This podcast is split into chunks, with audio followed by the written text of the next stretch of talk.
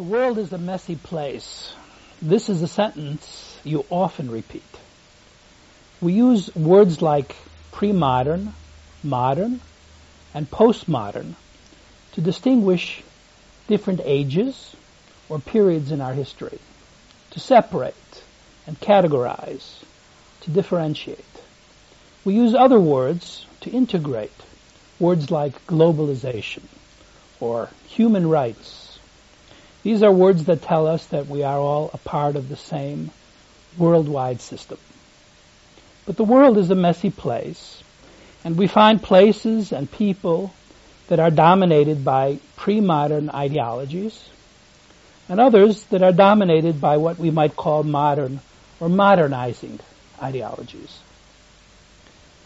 And all the while, new technologies are changing some of our societies very rapidly, while others are left behind. Our world is a place where pre-modern, modern, and postmodern mentalities exist side by side, meet, and often clash. Can you clarify the differences between these contemporary mentalities, forced to share in a world where there may be little common ground? Yes, yes, the world is a messy place. What does it mean, it's a messy place? That means that you can't, you can't grasp it, the world, the, the sense, the meaning of it, in its totality. Uh, you have to make some sort of simplifications in order to understand what's going on. And for this purpose we have theories. Uh, it's a good thing that we have theories, and it's a very bad thing that we have theories. Good thing that uh, is that uh, thanks to theories, to concepts, to uh, you know categories which we create in our mind, we can we can see uh, some sort of an order behind the messiness, behind this chaos. We can perceive the world. We can move around. Um, uh, Jorge Luis Borges, one of the greatest writers of our century, has one short story, very powerful one, about a man who, because of an accident, uh, had a particular injury of his brain. And um, uh, because of this in- injury, he could not simplify, he could not generalize. And therefore, uh, he couldn't tell any story because he could only um, telling what's happening took exactly the same time as the happening of the event itself. And he couldn't understand why this lying down dog is the same dog as this standing up dog or running away, away dog. You know, the idea of the dog was beyond his grasp. Now, if we didn't have theories, if we didn't have this ability of reason to theorize, we would be exactly in the same position. We would be completely uh, incapable of any kind of action, any kind of learning, any kind of acquiring habit acquiring abilities, skills, and so on. And this is why we are so afraid of messiness. Disarms us, uh, prevents us from making decisions, from taking steps, for doing anything. So it's a good thing that we have theory, but there is a bad thing as well because theory always simplifies matters in order to do what theory should do, and because it simplifies matter, it, uh, matters, it implies that there is more orderliness in the world than there is in fact there. Uh, so, for example, we have periods in history. You know, we have uh, feudal era, we have capitalist era, we have Renaissance, we have Enlightenment, and so on, uh, which implies that there were some sort of discontinuities in human history, new beginnings, breaks, you know, between. 17th century is described in every history um, textbook as the age of reason. But in this age of reason, you know, witches were burnt on um, and, and, convicted and burned, and people were tremendously superstitious. And uh, you know, it was the uh, it was the uh, century of tremendous fear and religious wars. Still, it is called the age of reason. Why? Because there were some philosophers scattered around, around Europe who actually thought about things which became important later on in 19th century and 20th century. So all this classification, all these periodizations should be taken very, very cautiously. Uh, it is, uh, there are no sharp borders in development of history. For reason of uh, comfort, intellectual comfort mainly, we divide, classify, draw borderlines, and so on. But you are absolutely right when you are asking this question about can you actually separate pre-modern, modern, post-modern? Are they not simply abstractions, each one picking up one aspect of human reality and enlarging it, you know, and making a historical era out of it? I agree with you. This suspicion is very well justified, and uh, and we should follow uh, after that and say that uh, uh, all these elements, which for the sake of clarity are separated analytically, cannot be very easily separated in our human reality. Actually, there are elements of all three in each one of us and each one of the historical period and each one with um, uh, in each one of social settings. Francois Lyotard, one of the greatest theorists of postmodernity, actually said that one can't be really modern without being postmodern before, which you know makes a laughing stock of all these uh, neat and elegant distinctions um, uh, which we are so eager to apply. But what do we understand by pre-modern, modern, and postmodern attitude? To put it in a nutshell, you know, very roughly, again, simplify it for the sake of clarity. Uh, pre-modern, that means taking the world as it comes. The world is uh, divine chain of being, you know. Uh, God created the world as it is now you are uh, uh, allowed not to like it. But you have to take it as it is. You know, you can't change it. Every creature, however unpleasant, however awful, insects, vermin, snakes, you know, uh, spiders, Jews, they all have their rightful place in the world. You know, they may be appalling and off-putting and obnoxious, but nevertheless, that is what God wanted the world to be. And uh, what uh, human beings can do, human beings are very weak creatures, and uh, we can try as hard as we possibly can to penetrate the mystery of God's creation, but we never actually, we will never grasp it in its entirely, entirety. Our, our, our reason is not uh, up to the task, really. That's roughly the pre-modern attitude. Abiding by, surrendering to, uh, you know, uh, the uh, creation, accepting, for example, that suffering is part of human life, it's some sort of repentance for original sin, and so on and so on. Uh, the modern attitude rejects this sort of placidity, and meekness. You know, it, uh, on the contrary, it proclaims that uh, we human beings are alone in the world. Uh,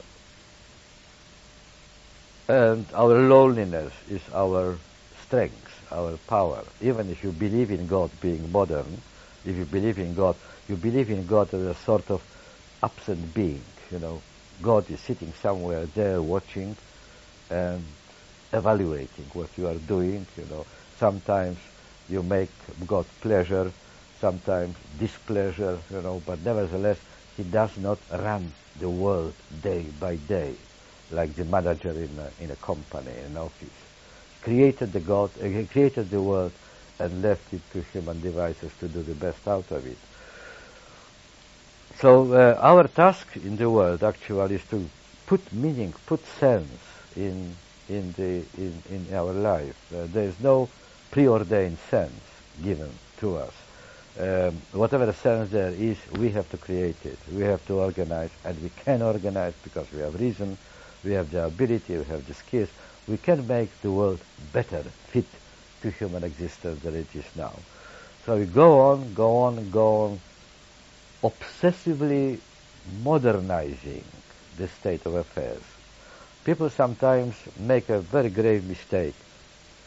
distinguishing between modernization and modernity. Modernization is the road leading to modernity. At some point, when you have enough modernization, you become modern. It is stupid, because being modern means precisely modernizing all the time, unstoppably, obsessively, uh, not being able to stop for a single moment. The moment you stop, you say, I am modern enough, that means that you stopped being modern. You are not modern anymore. Being modern means not being satisfied with the state of affairs and always knowing that it could be better. Nevertheless, modern attitude has this imaginary horizon, like perfect society, good society, uh, stable economy, satisfaction of all needs, uh, uh, general happiness of all mankind, and so on. Complete transparency of the world, complete knowledge of, of all laws of nature, and so on, as a horizon of our development. We are going there, and at some point, a distant point, we will probably get there. So there will be no more accidents, no more catastrophes, no more contingencies, everything will be under control, everything will be transparent, understandable, everybody will be happy, and so on, so on, so on. That is what distinguishes modern attitude from postmodern attitude. Because postmodern attitude is like modern attitude in the sense of being unable to stay, to stand still. We are still modernizing, you know. Being postmodern means improving on everything, changing everything, and so on. But the difference between postmodernity and modernity is that postmodern attitude does not contain this second element, this belief that it is a road with a finishing line, that at some point will come to the end, and then we will rest and be happy and live happily ever after. You know, that, that's out of the question. Like in Hollywood films in 1930s, you know, when the lovers finally met each other and and made the marriage uh, vows, you know, that they lived happily ever after. This was the end of story. Now, that end of story is absent from postmodern attitude. We, are, we don't believe that uh, anymore that there is such a thing as ultimately perfect society, um, uh, uh, perfect meaning of perfectness is that no further change can improve the state of affairs. All further change will be a change to the worse. That's perfection. Now, we don't believe that there is such a thing. We don't believe that there is a perfectly just society, for example. We tend to understand today just society as a society which is totally, permanently dissatisfied with its own degree of justice and, uh, and is suspicious of injustice everywhere and therefore want to be more and more and more just. That's how we recognize just society.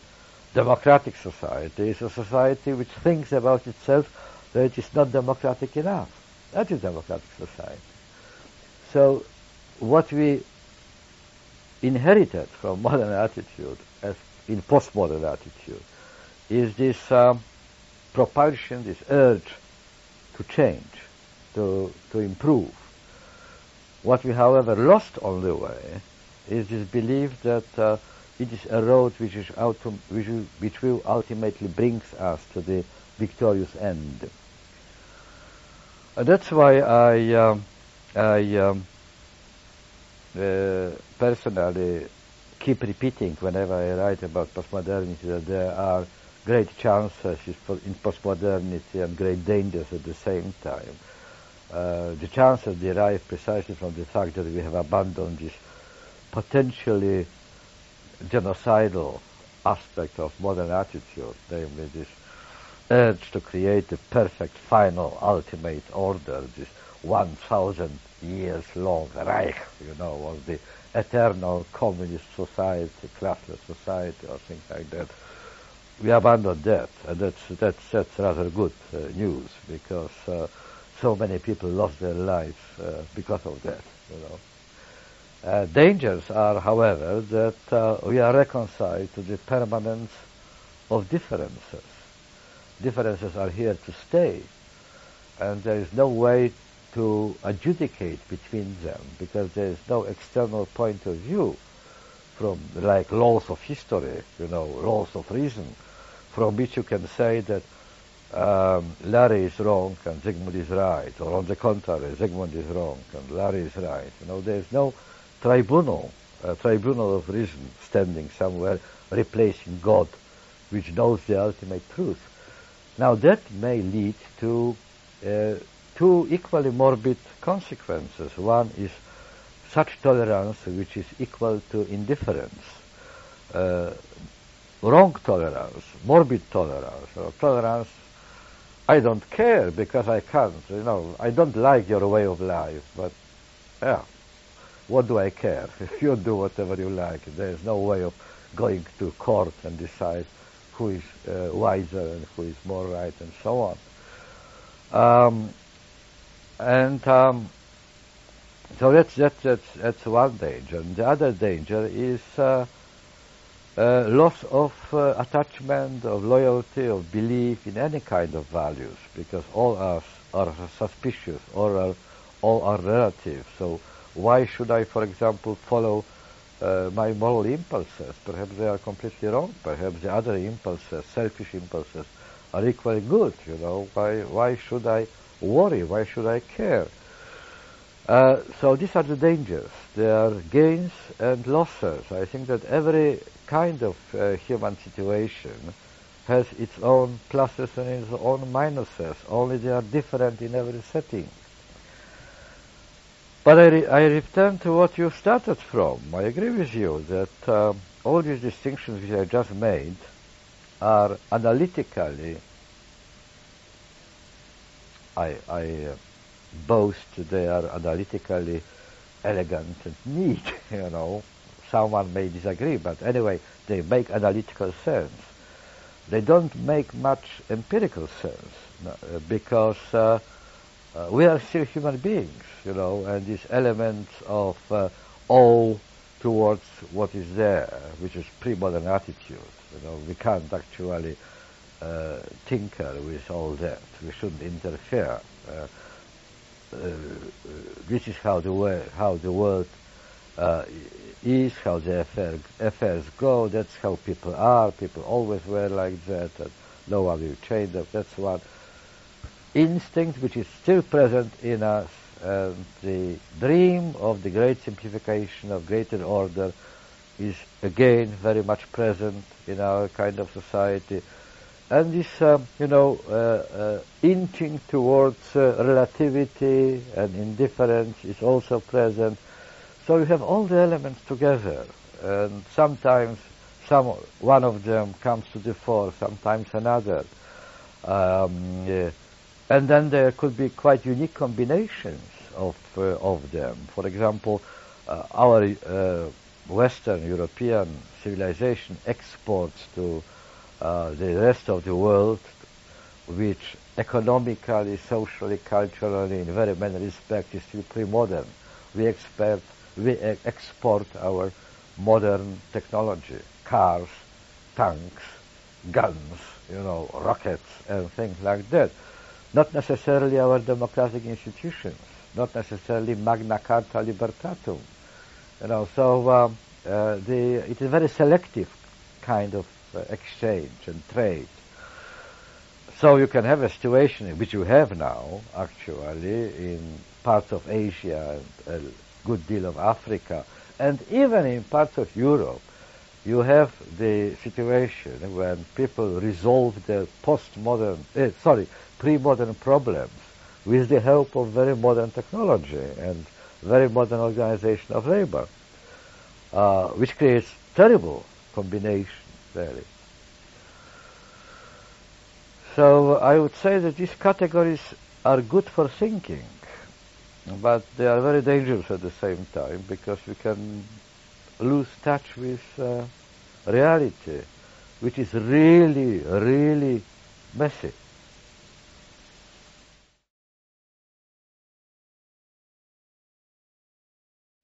Well, it's very nice to be able to continue our conversations, Professor Bauman. Today, um, I thought we would begin by reminding reminding you of Hannah Arendt and that she pointed out a long time ago that in the phenomenon of the Holocaust, anti-Semitism may explain at most the choice of the victims, but not the nature of the crime. Can you speak about the nature of the crime and how so many normal and moral people were able to contribute to this extraordinary event? Well, it's very, very good that you have started quoting uh, Hannah Arendt. I think that's a very crucial statement which uh, immediately frames the whole issue, uh, what is involved in understanding uh, the event of the Holocaust. Uh, there are two ways um, for last 50 years, uh, two ways, rather, rather two strategies of going about the task of explaining the Holocaust. One uh, is the uh, idea that there was something very special uh, feature, some very special feature of German culture, German history, German philosophy, German national character, which uh, led to the Holocaust. Um, and, of course, a very special, very peculiar placement of the Jews in European culture and particularly in uh, German culture, uh, in German history, uh, which led to this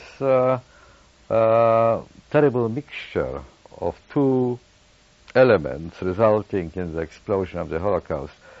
Uh, that's the concept of the Sonderweg.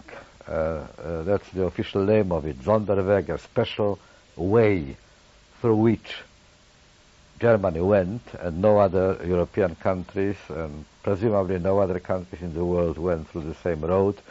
So um, uh, Holocaust was a specifically German event, and uh, the recent uh, uh, book by Daniel Goldhagen, which, uh, as you know, uh, made a tremendous impact and was met with great attention all over the world, made this point very clearly. Goldhagen just explicitly said that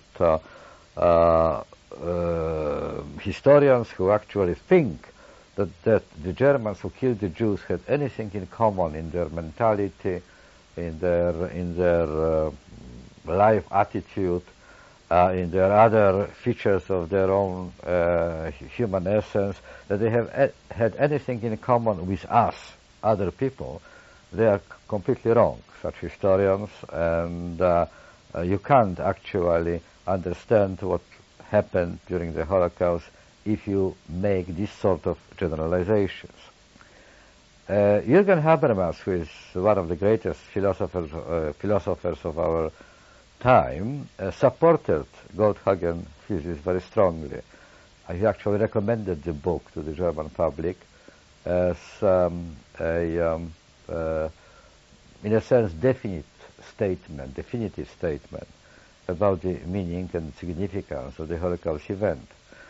Sometimes I think that if I were a German, I would probably take Habermas's attitude.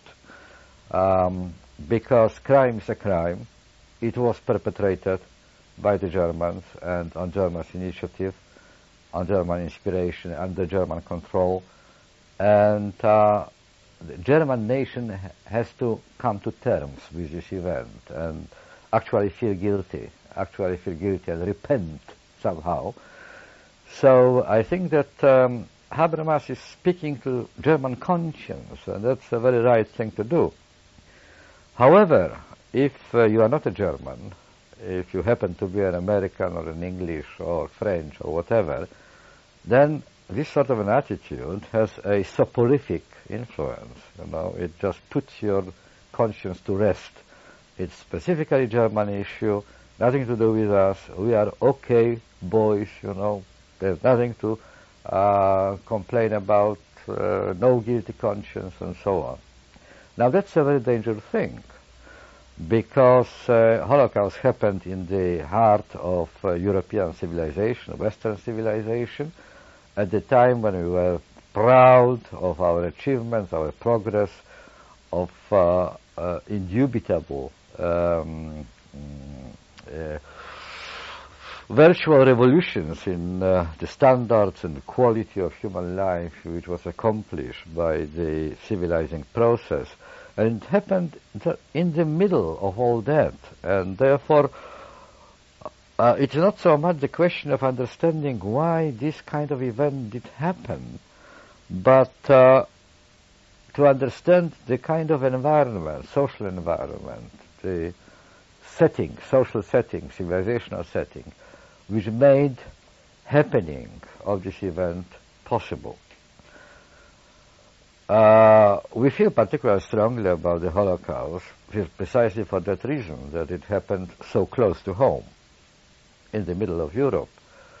And actually, when Hitler came to power, before the Second World War started, um, he enjoyed uh, quite a positive um, uh, appreciation from liberal democracies, so-called, of the West of Western Europe.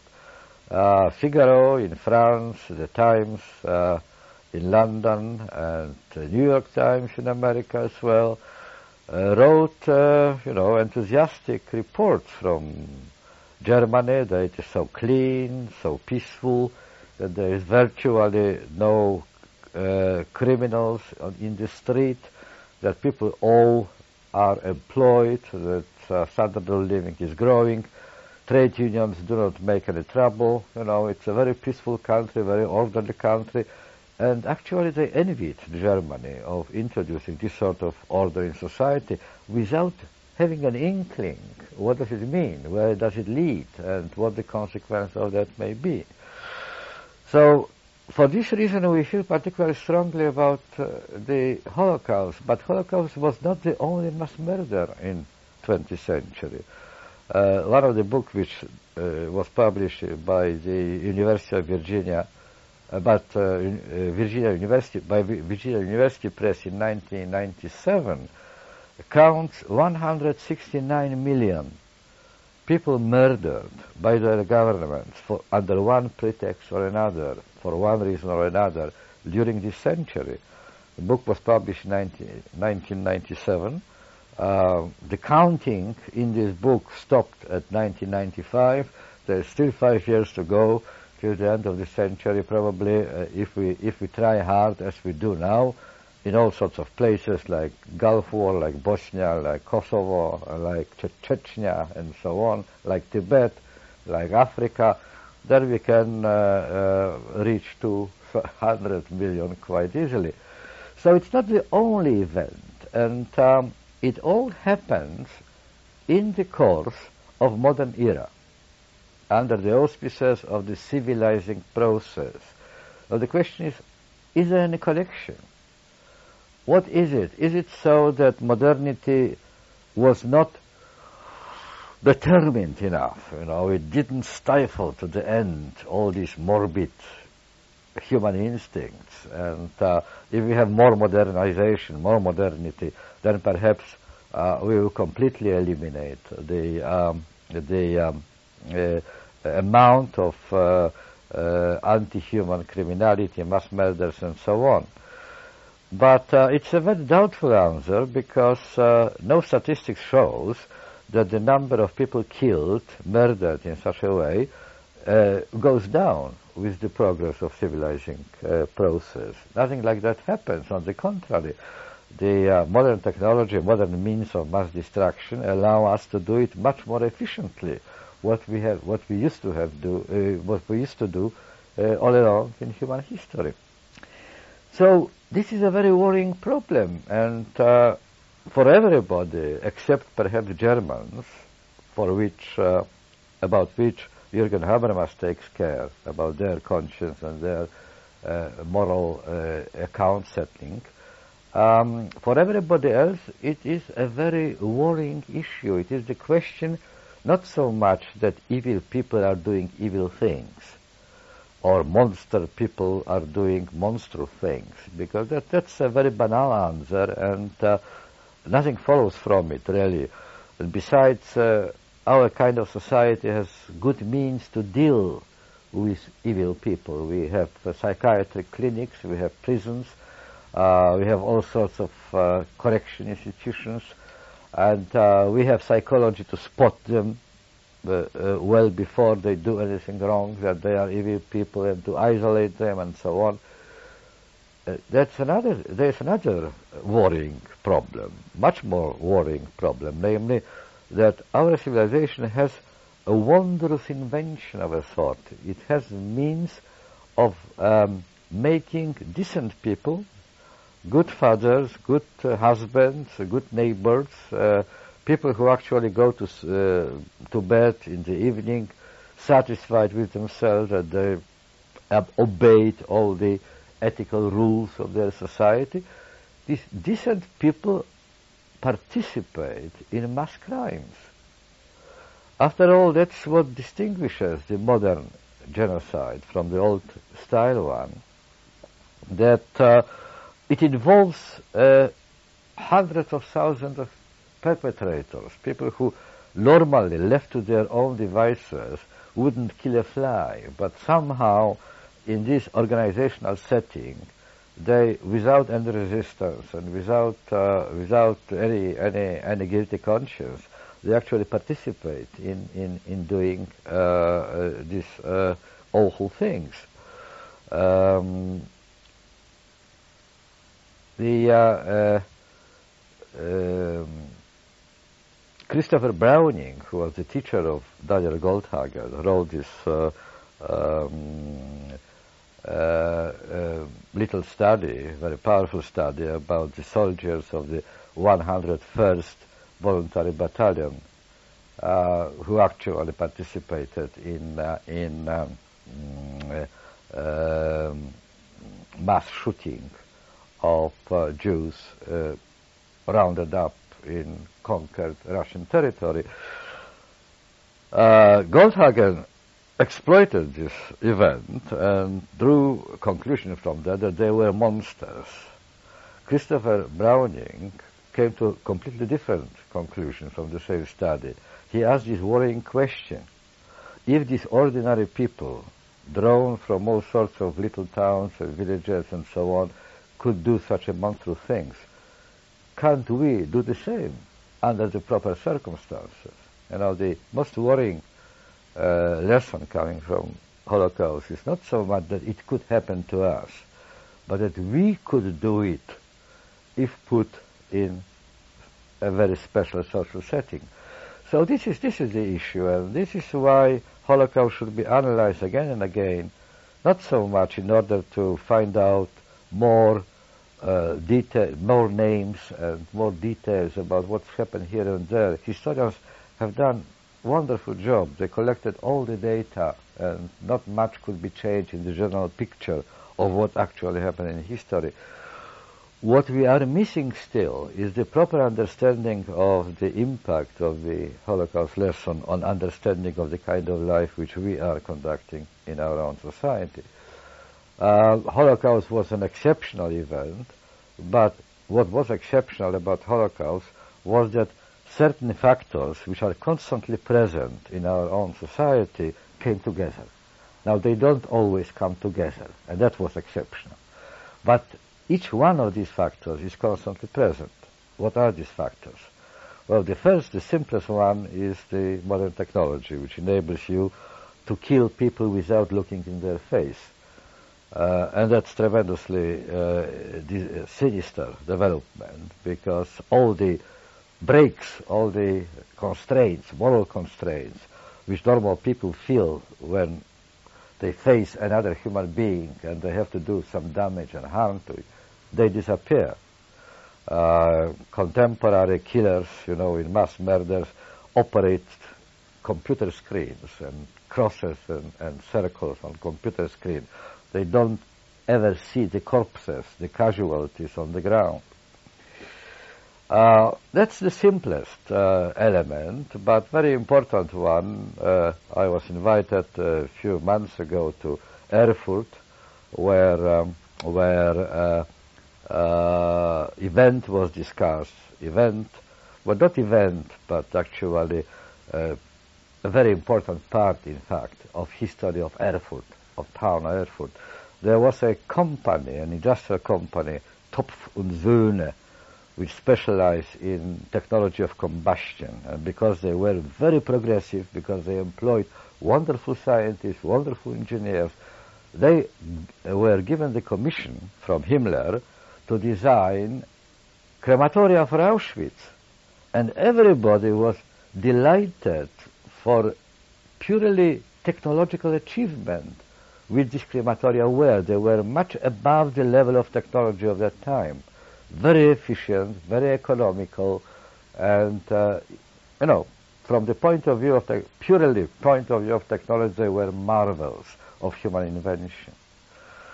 Um, there's a wonderful uh, book written by shattering uh, book, but uh, wonderful in the sense that it collects the information which makes a completely indubitable, unquestionable case about um, the role of modern technology and science in mass murder.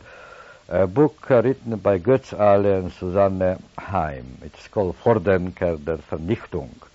And it documents uh, painstakingly how many high-class engineers, scientists, biologists, psychologists, demographers, lawyers, and so on and so on, were involved in the perpetration of Holocaust on the one hand and Umsiedlung, which was the policy of deportation, transplantation of the Eastern European nations, which happened by history occupied the wrong place and they should be transported elsewhere where they, where they should feel better.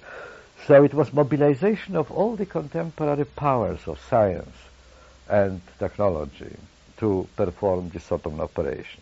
But I repeat, that is the simplest part of it. Um, much more crucial uh, uh, invention of modernity, which was operative in making this sort of event, the modern kind of genocide possible, was what what we call the uh, scientific management or uh, scientific uh, organization. one which described was described by Max Weber, modern bureaucracy, modern bureaucracy, which finds the way of, as Hannah Arendt put it, floating responsibility.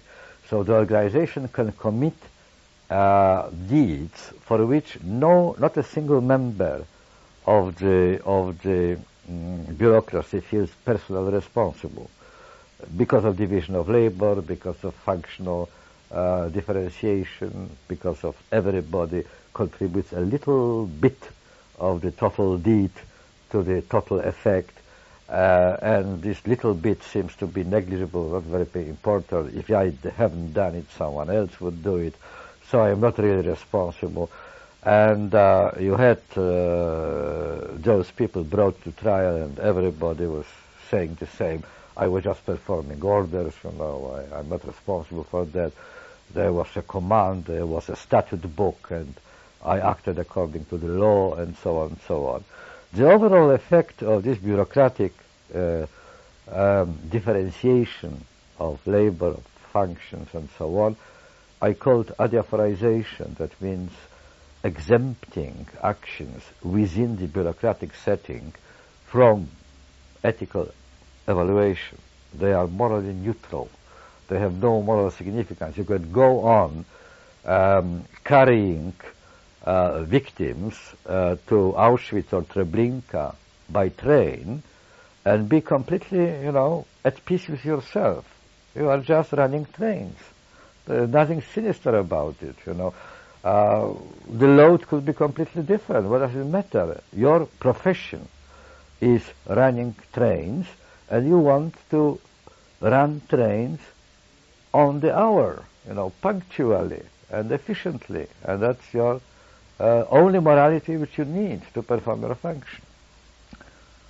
But there is still the third element which actually pins down the other two, and uh, you know, together they create this explosive mixture. And uh, the third element is um, our modern, very modern, characteristically, characteristically modern, indispensably modern uh, self-confidence that, that we can actually put the world in order. Order. The world as left to us by the accidents of history, by the um, accidents of nature and so on is a very messy affair and we want to put it in order. And um, we want order and we have the resources to do it, so we do it. Now when you have the design of order, of course what follows is that uh, there are some people who don't fit this particular order and they have to be exterminated, poisoned, uprooted and and so on. And uh, Holocaust, among other things, was precisely an, an element of an effort to create a perfect society, a race clean society in which there will be no polluting element, pollution. Pollution is the crucial word here. There are elements who do not, which do not fit and they pollute the purity of the totality. Uh, we resent the difference, we resent the otherness, and particularly we resent the otherness which cannot be changed, which cannot be assimilated, which cannot be made like us, which resist this sort of uh, unification, what Germans themselves called Gleichschaltung, making everything uh, homogenic, uh, identical, the same. So, uh, uh, I think that that's more or less what uh, could be derived uh, from Hannah Arendt's question, you know, Hannah, Arendt problem. Um, the anti-Semitism, which had a long history, not only in Germany, but uh, in um, in uh, uh, Christian Europe in general, explains perhaps why Jews, together with gypsies, together with homosexuals, together with uh, mentally abnormal and, uh, and quite a number of other categories of people were selected for destruction. But the nature of the crime cannot be explained by that. It has to be explained by the nature of uh, modern mentality, modern ambition, and modern ability to act. Um, the um, quite recently, I think the author is uh, the name of the author is Richard Weisberg. Uh, he published a, another shattering book about the history of uh, Vichy government in France, Vichy government anti-Jewish laws. And they were all produced by certain Barthelemy. Barthelemy was Minister of Justice in Marshal Pétain Vichy government. He was not anti-Semite by any account. He was absolutely superior lawyer of very, very high class. He would be probably, he was an American, he would probably elected to the high court, you know. He would be a high court judge. He was a very high class lawyer. And uh, without any pressure from Germany, he just sat down in uh, his office and thought about regenerating French nation after the defeat you know, and creating a perfect French order uh, within within the country. And he produced anti-Jewish laws, which were more uh, pernickety, you know, uh, in very many ways more sinister than the legal codes, which were famous Nuremberg laws, which were produced in Germany. Um, uh, before that and during the same time. So uh, that shows, that illustrates the point, you know. Uh, his major purpose was not to destroy the Jews. He was not an anti-Semite at all. It is documented. He was very highly civilized, very highly trained uh. Uh, his purpose was different. He wanted to regenerate uh, German nation, which was badly hit badly damaged and which had to stand again on its own feet. So he visualized the sort of perfect order in uh, French society. And when he visualized it, there was no room for some people, like Jews.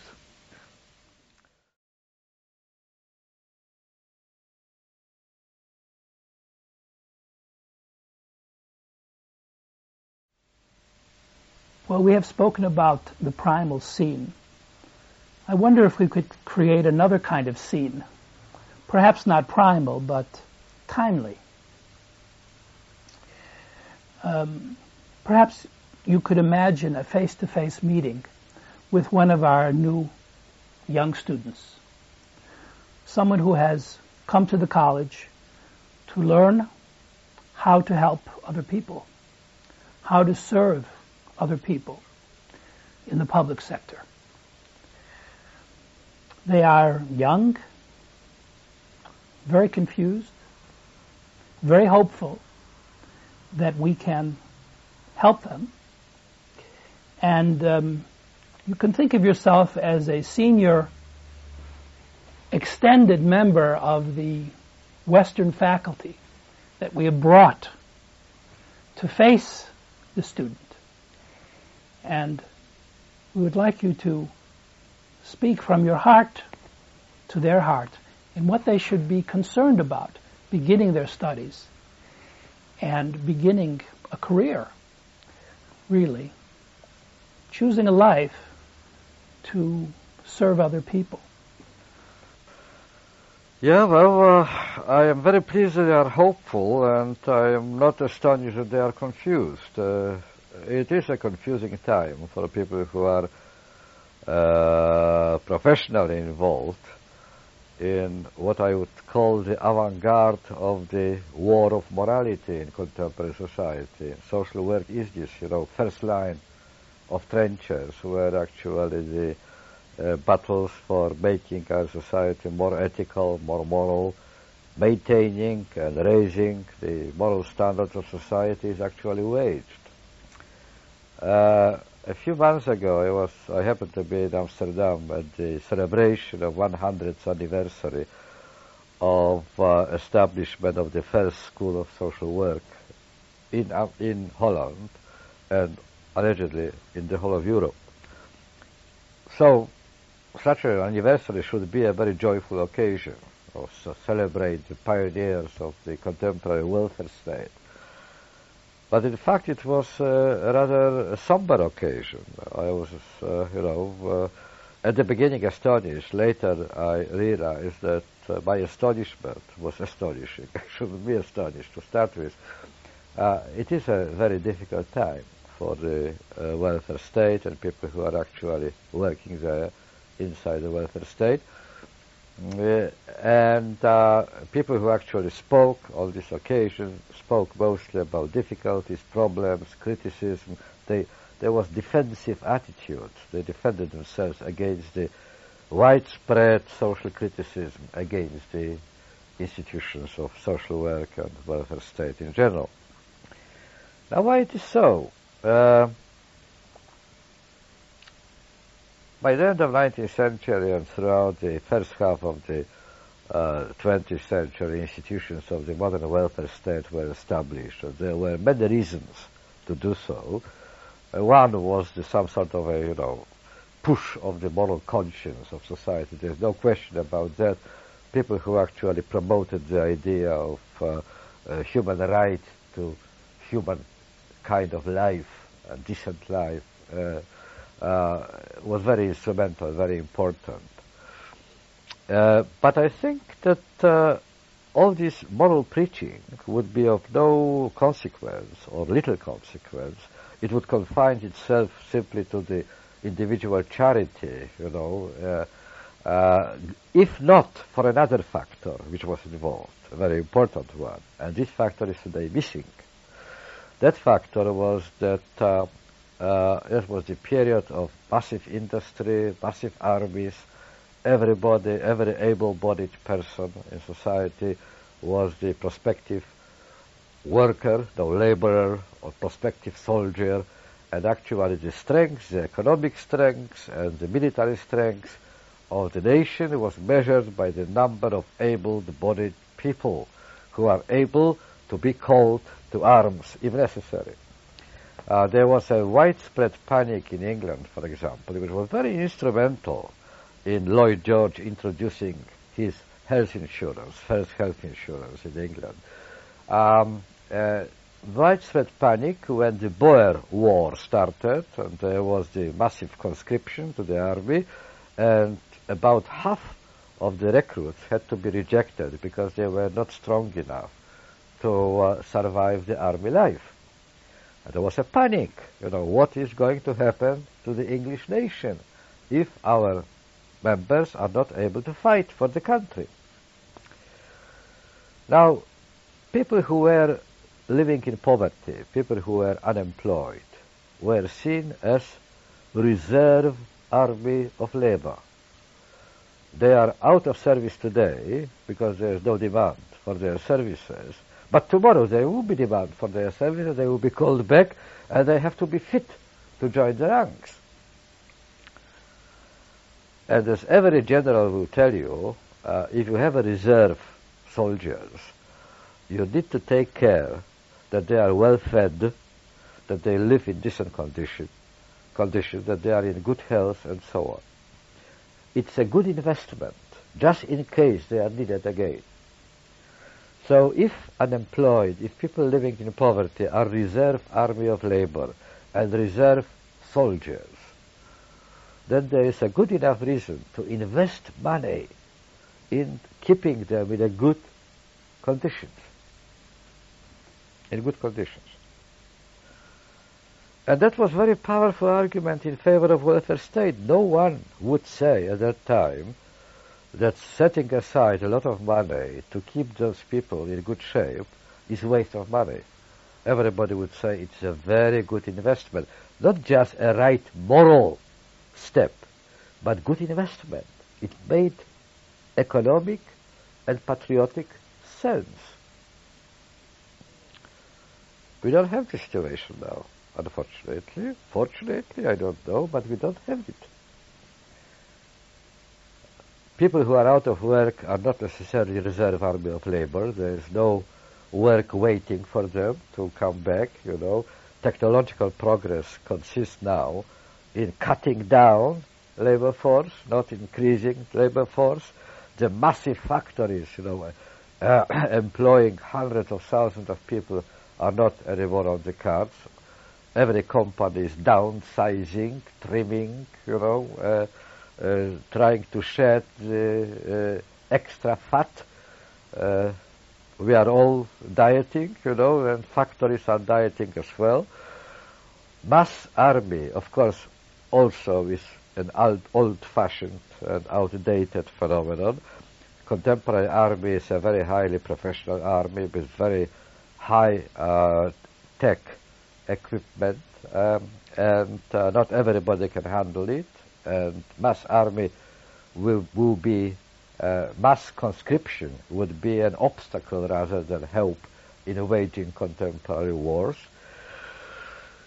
So this very essential reason to keep everybody in good shape just in case they are needed again disappears. Economic argument is not working anymore. What is remaining is just the ethical argument that everybody has equal right to be a human being and every life is worth preservation. But when welfare state is, was created, ethical argument itself was not sufficient. It had to be supported by this extra, other, rational, economic, patriotic argument. We need to be a strong nation. That's why situation is confusing. That's why it's so difficult. That's why we have, we, people interested in keeping welfare state alive and kicking, you know, thriving, we are exposed to criticism. There's waste of money. You probably noted that uh, you have probably noted that uh, very popular term in contemporary criticism of welfare state is the idea of the, the of dependency that welfare state uh, cultivates the attitude, the posture of dependency among welfare recipients. Now, if you say that dependency is a bad thing, you are not voicing an argument against welfare state. You are voicing argument against, against morality. Because the whole morality is based on the assumption, on my assumption, that your welfare is dependent on what I am doing. If I didn't assume that the other is dependent on me, I would have no reason whatsoever to be a moral person.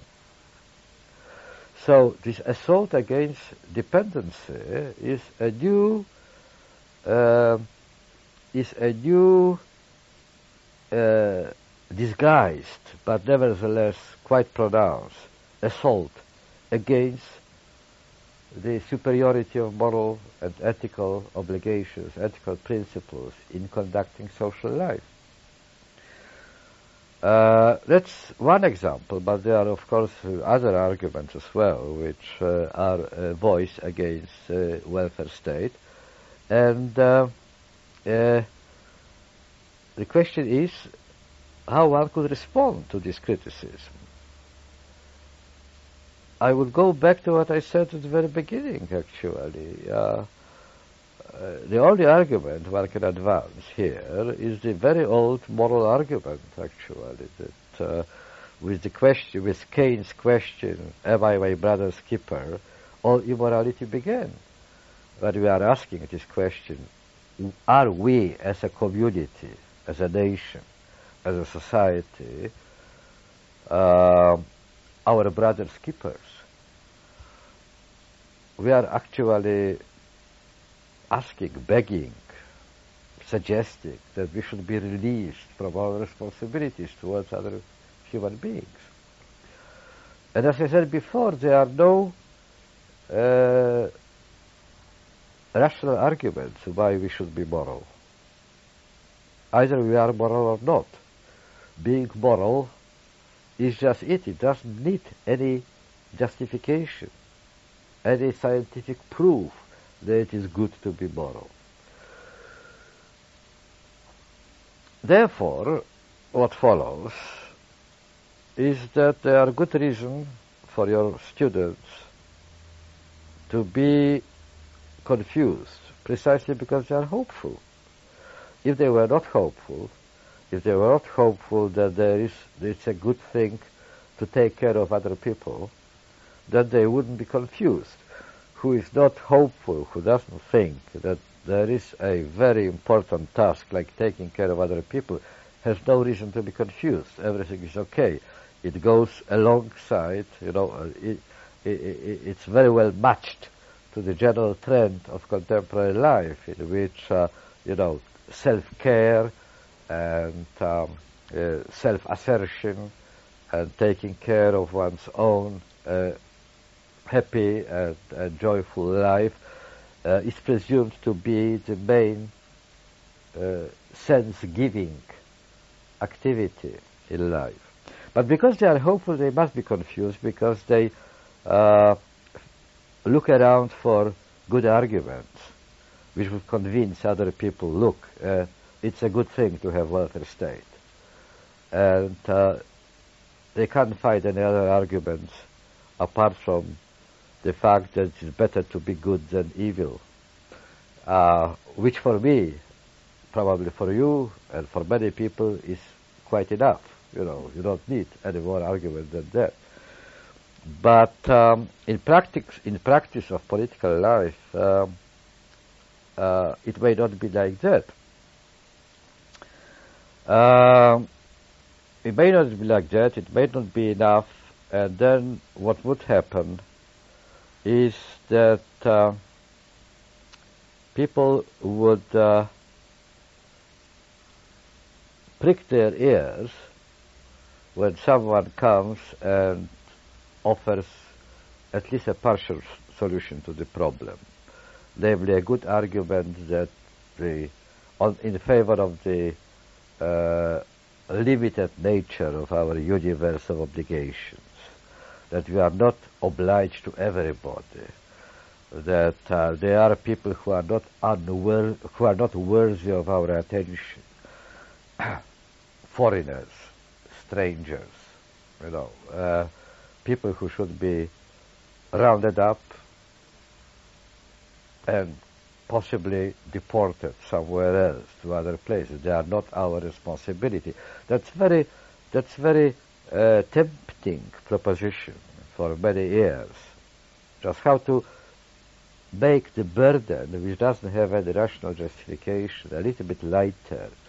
Uh, do not pay so much taxes, you know, get something more from the national income, put more into one one's own pocket and so on. Foreigners and strangers are the most natural object of uh, this narrowing down, cutting down the universe of moral obligations. But there is a more general issue of all people who are indolent, who are um, living in poverty, who cannot uh, act out their own existence, who need our help, who are dependent on our help. The poor people were always with us. So in every society there were poor people. There's not a single society in history without some sort of poverty margin. But in every society, the poor people had a function, very important function to play.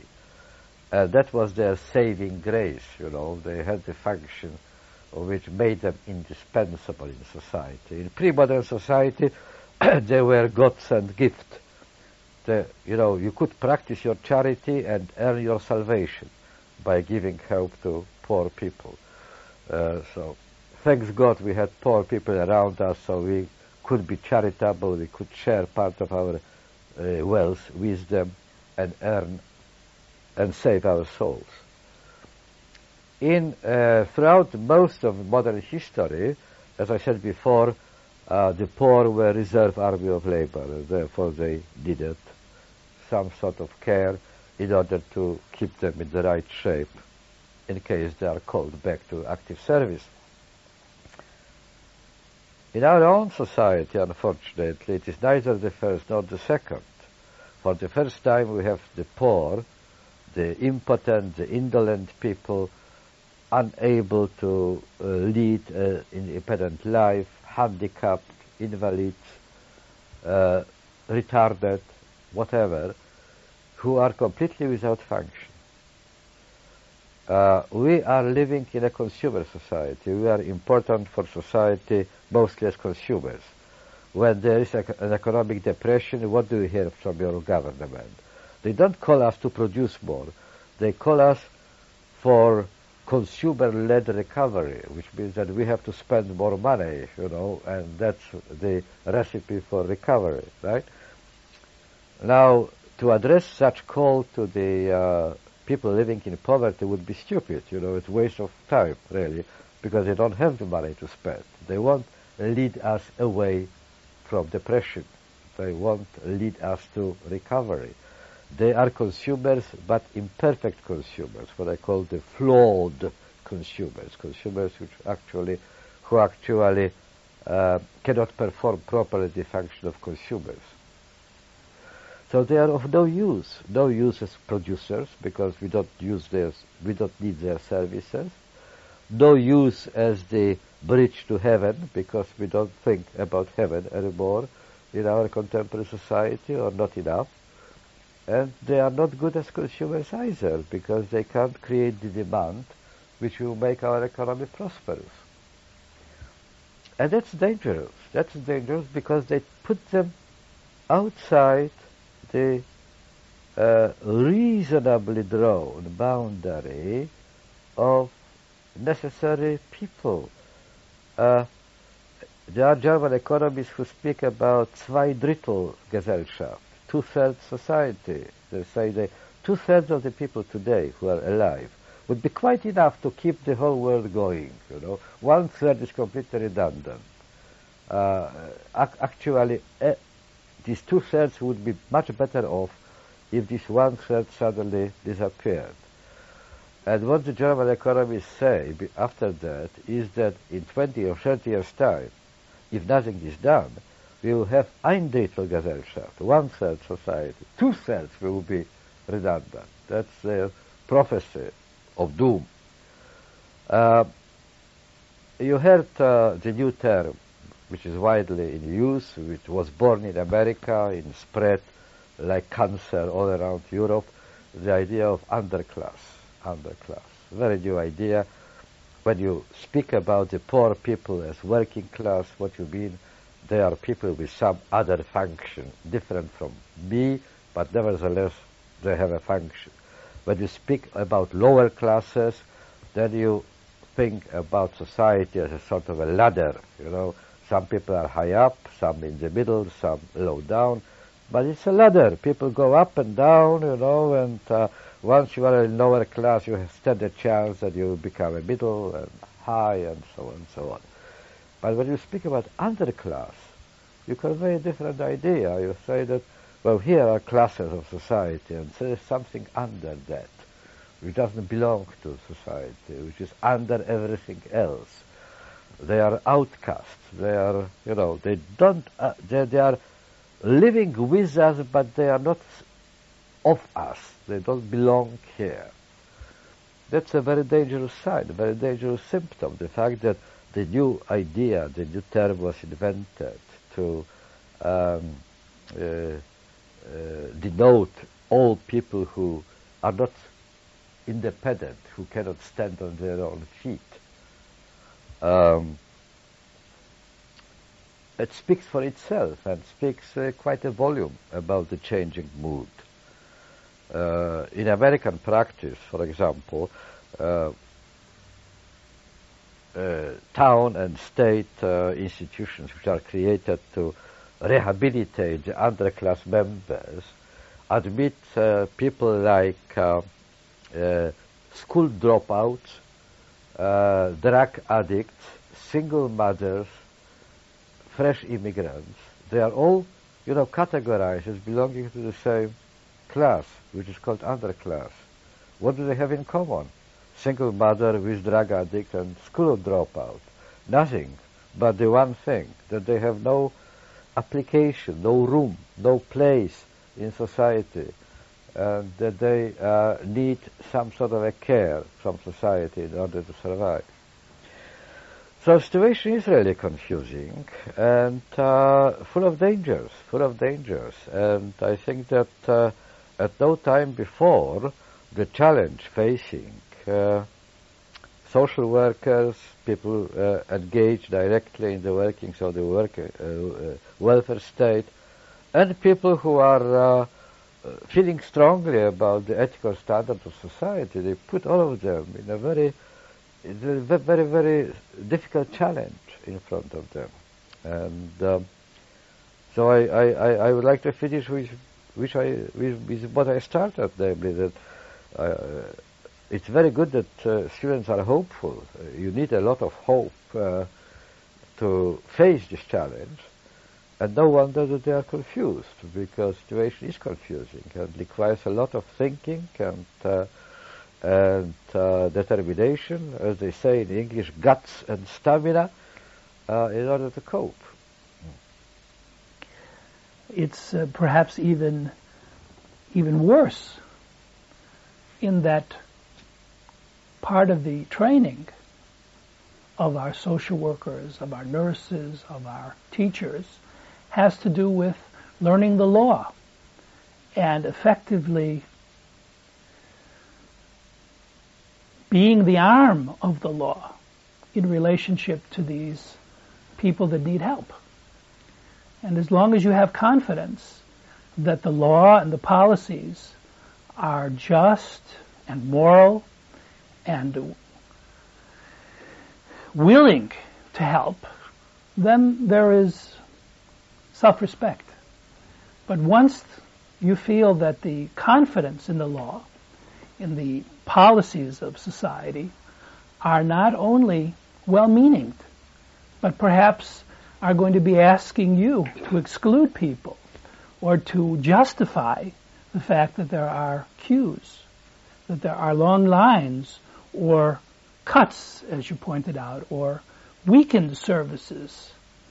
One of the problems we face is that that is part of our task to teach our students that this may be their role, this may be their job. And the law is clear. But morality may suffer. Well, law is not as clear as it pretends to be. Every lawyer will tell you how unclear every law is. And, uh, attempt to make the law more precise normally end up uh, in making it even making it even more ambiguous than before.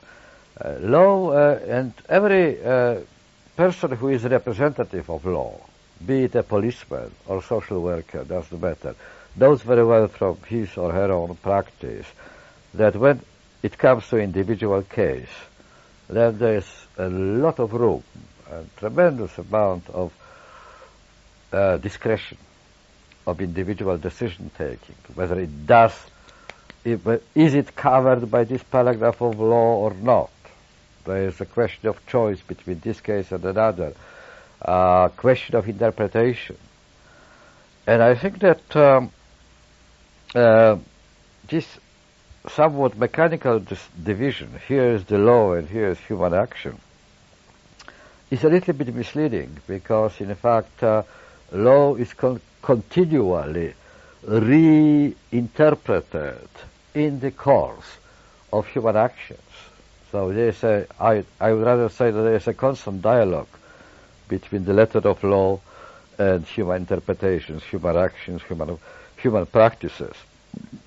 And so um, I, I, I, would uh, wish the social worker to understand that they are not just followers of the law, they are engaged in its making, in a sense, by the practices. They are never uh, they are never confined to simply uh, sticking to the letter of the law.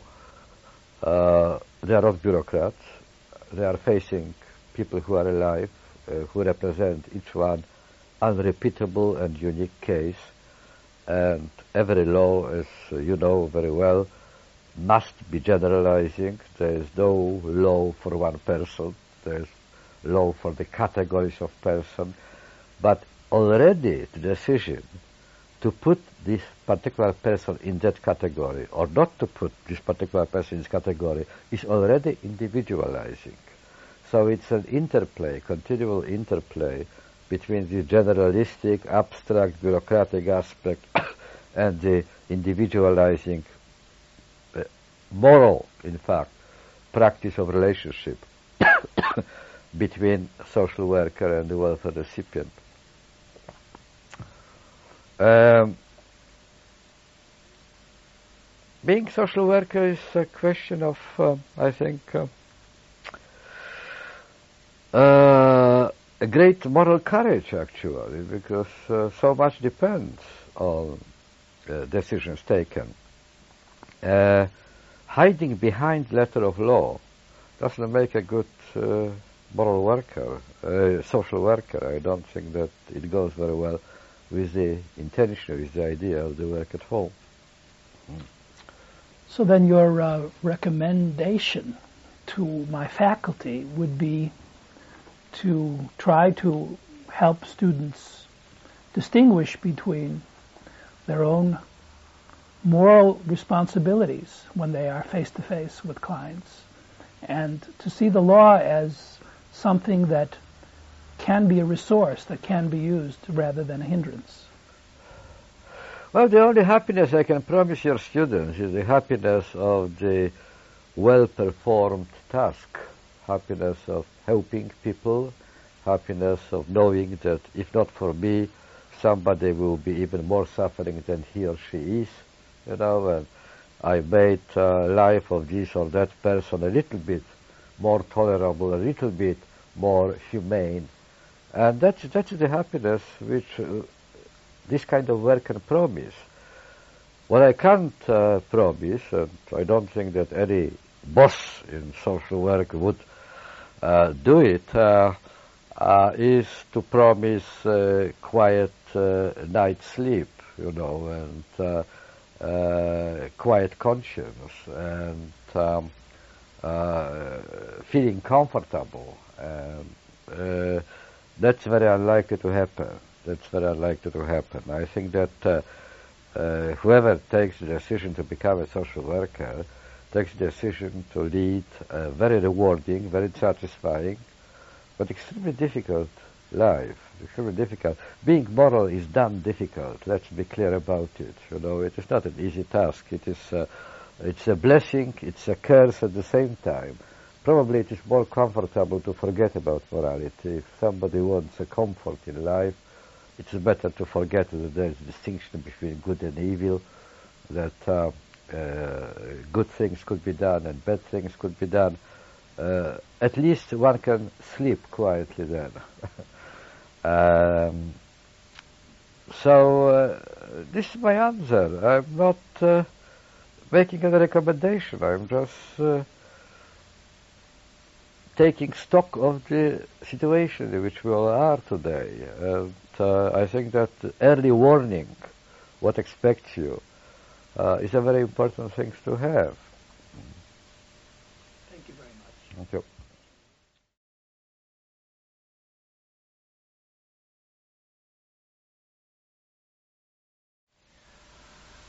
It's a pleasure being here with you, Professor Bauman, and I want to thank you for your generosity in giving us this time to ask you some questions that that we would like to hear from you. This session will be about morality. And I would like to ask you what we mean when we speak about a primal scene in moral discourse.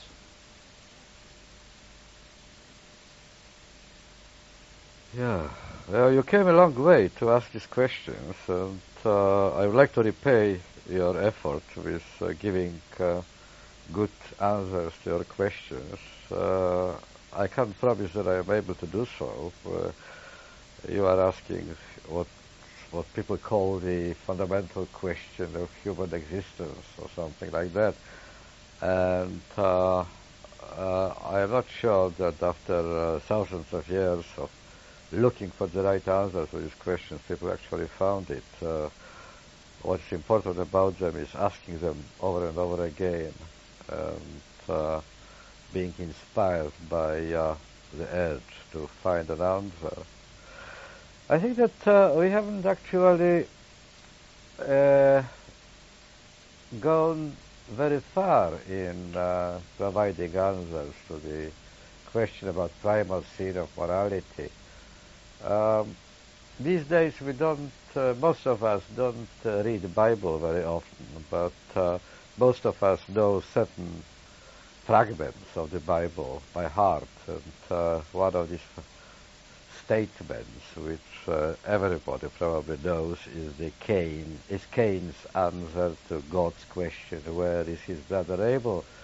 And his answer was, as you remember, uh, "Am I my brother's keeper?"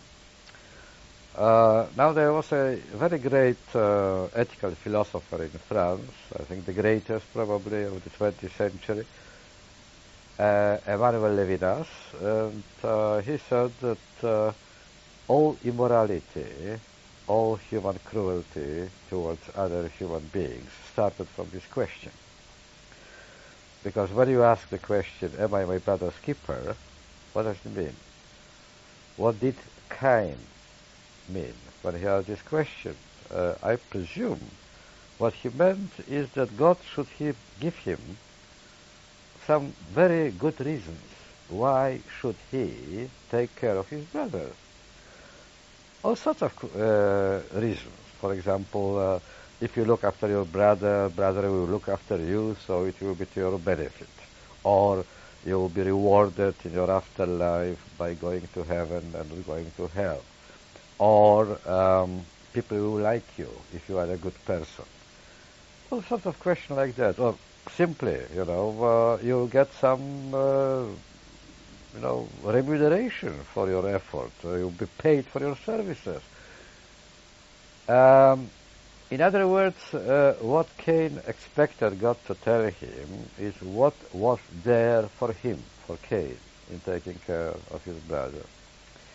Now, when Levinas said that uh, all immorality starts from there, what he probably meant was that uh, you can't explain why you should be your brother's keeper. You can't explain that. There is no rational, reasonable cause uh, which can justify uh, being your brother's keeper. It is simply our human condition. We are born you were born, I was born, everybody was born having m other in front. mother, mother. That's in English, you know, it works very well. I'm not sure about Norwegian, but uh, in English uh, uh, it shows that the first uh, reality, social reality you encounter is other, mother. And uh, this other, this particular other, which is your mother, is caring, bringing protection, bringing succor, comfort, and so on. We are born immediately in the company of other people. We are with other people.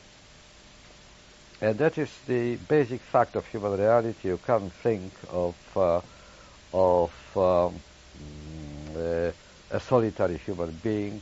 Already Aristotle in ancient Greece said that a solitary human, a solitary being may be only a beast or an angel. Now we humans are neither beasts nor angels. We can't exist alone. Uh, we exist always in company of other people. So we are always with the other, with the other. And that is the primal scene of morality. But uh, it is not yet morality. It is just a condition. A condition uh, under which whatever we do, whatever you do, whatever I do, whatever anybody does, has an effect on other people. Good effect or bad effect brings them joy or harm, happiness or unhappiness. Uh, wh- whatever your intentions are, whether you do it with the intention of bringing joy or, or uh, some sort of a malice, you wanted to do damage to other person, whatever you do has effect on other people.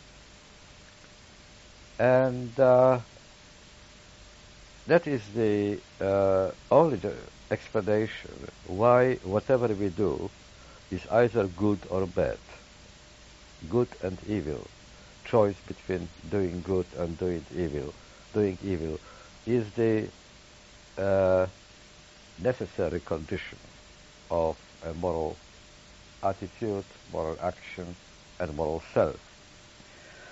Condition, necessary condition, not sufficient condition.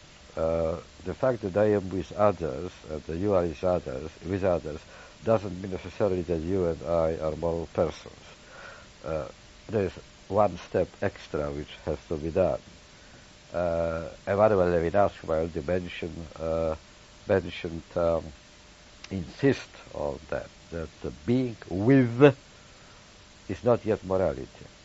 Morality starts when being with is transformed into being for, für sein, as the Germans say. And that's a very big step because uh, what does it mean? Is that you just uh, take stock of your condition consciously, you think, you feel about it, and uh, you know that uh, in fact, whether you know it or not, you are responsible for other person's well-being because your actions have an effect on other person's well-being. So, at some point, you may be born or reborn or born again as a moral person when when you actually take responsibility for that responsibility. Responsibility is already there. It is the part and parcel of the primal scene. You can't avoid it, you know, uh, unless you emigrate to to the moon or uh, to some other planet. You know, you are responsible for other people uh, because of these effects which your actions have.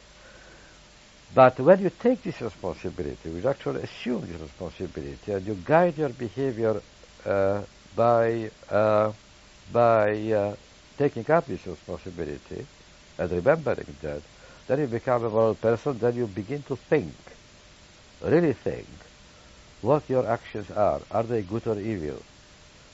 Do they bring happiness or unhappiness?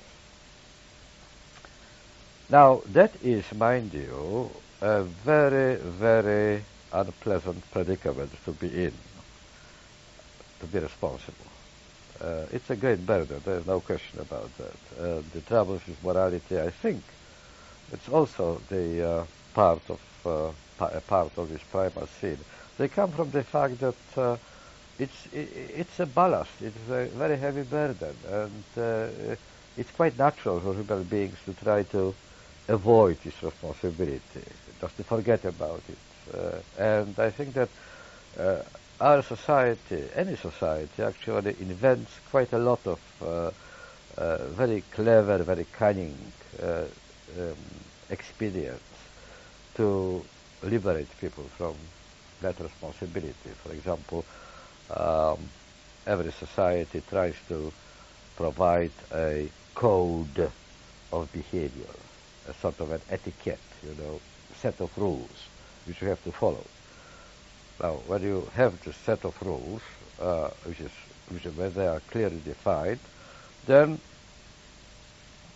uh, you may forget about your responsibilities. The only problem which you have to remember is that you should be obedient. You should conform to the rules.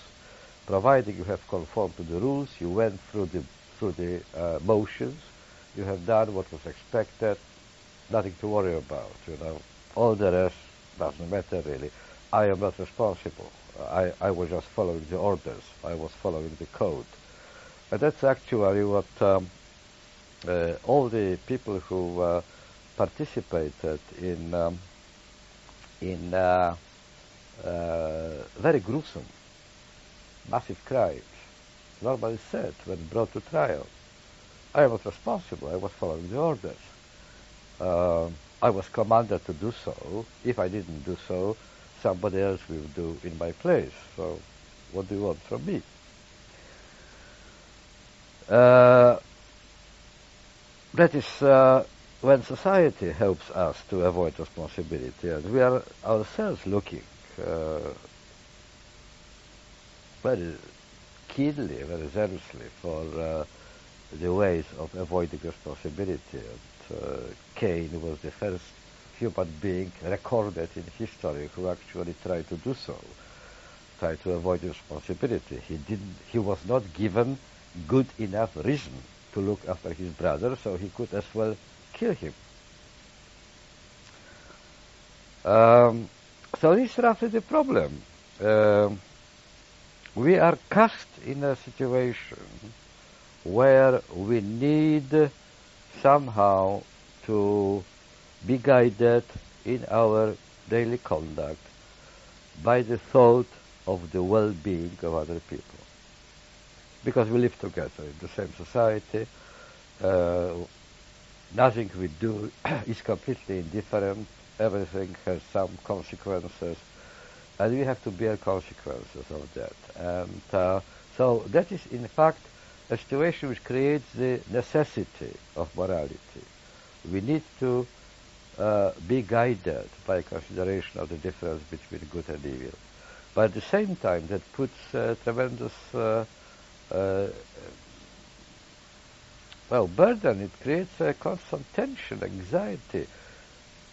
Uh, even if we are not looking for the way of escaping responsibility, if even if we are not jumping at every opportunity to excuse ourselves from this responsibility, even if we try honestly, as decent humans do, to be moral, then comes the big question, what does it mean to be moral?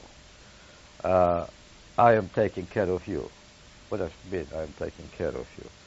What does it mean I am taking responsibility for your well-being?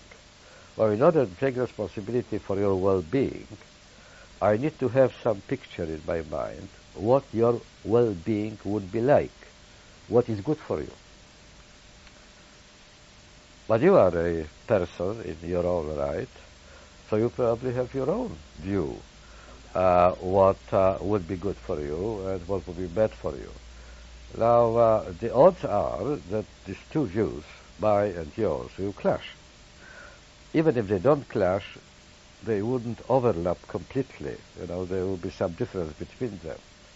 And then there is a dilemma for me, if I want to be a moral person. Everybody knows this experience when you laugh at another person. It's the extreme case of moral uh, attitude. You actually love, you wish to dedicate your life, love to the, life, life to the other person do whatever you like, sacrifice your own well-being for another person. Uh, so everybody knows this experience that you are facing two choices, none of which is good. One choice is to say, well, I respect your autonomy, your freedom, enough to surrender. I know that what you are doing is bad for you, but I wash my hands. It is Pontius Pilatus gesture, you know, I wash my hands. I won't interfere. I, I don't want to violate your freedom. I, want, I don't want to apply force. And that's a very bad solution because that means indifference, really, and um, surrendering your responsibilities. But the other solution is equally bad. Uh, the other solution is I know better what is good for you than you do, and therefore I uh, I'm going to force you to uh, follow my advice.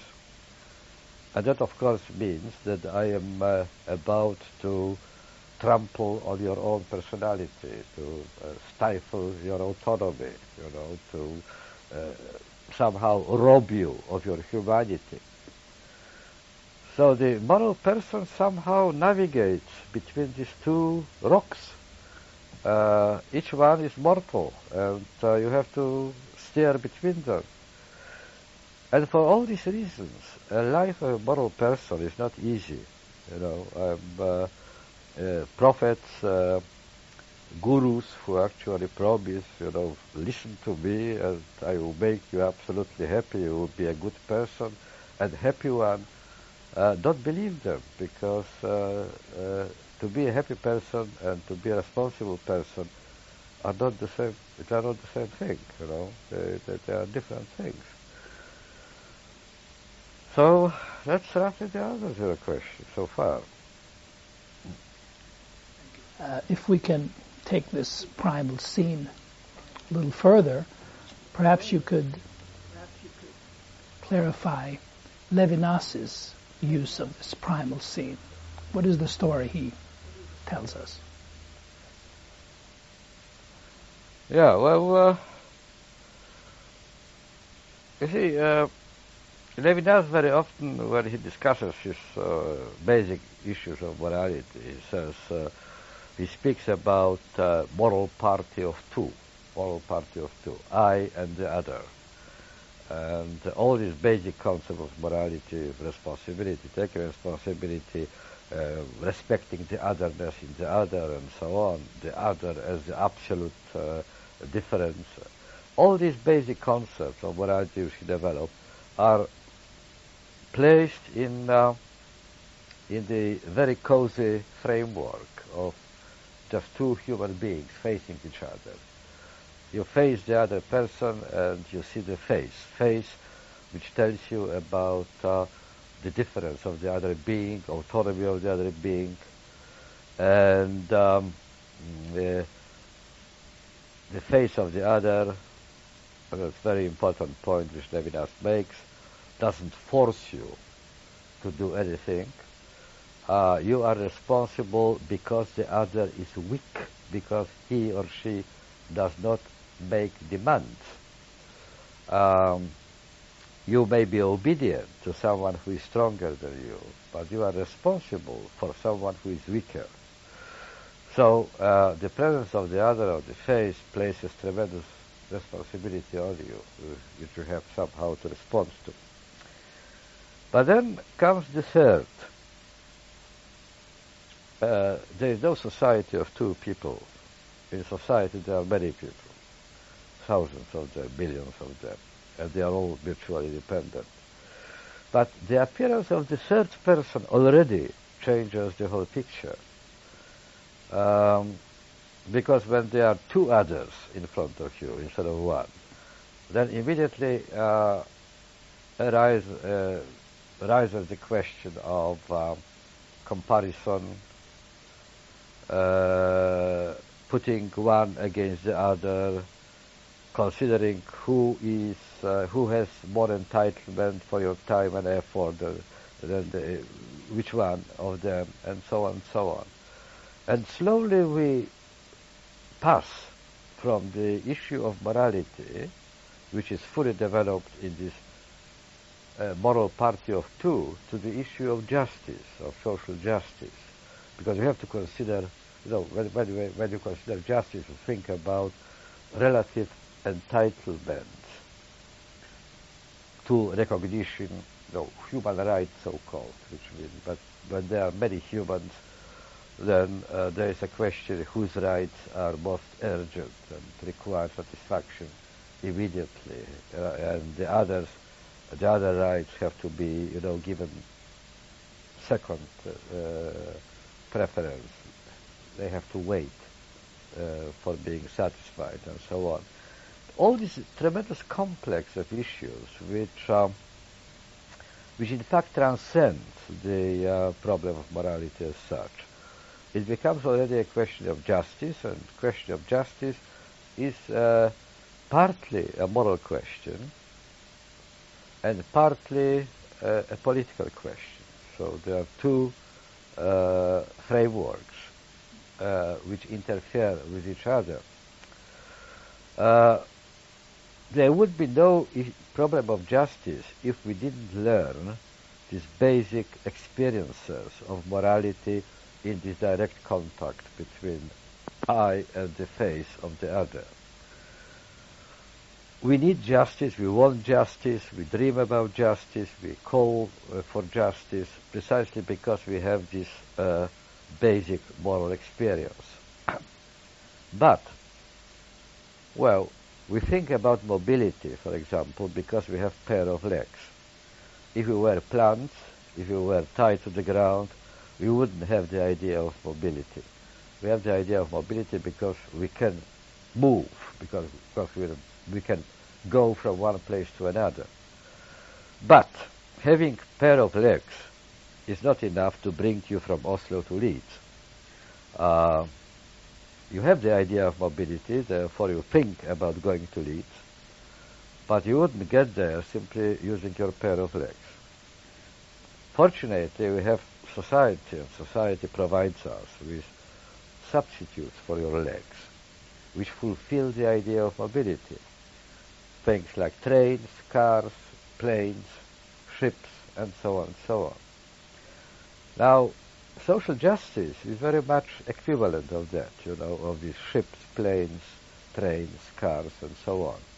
You have the idea of morality, which is developed in the direct relations, face-to-face relationship with the others, with in, in interaction with people you know, whose face you actually see, and so on. But that won't be enough, actually, to make society just, because your own moral instincts do not suffice. You know, they are not sufficient. They are not powerful enough to uh, resolve problems of social justice. So you need something like public transport system.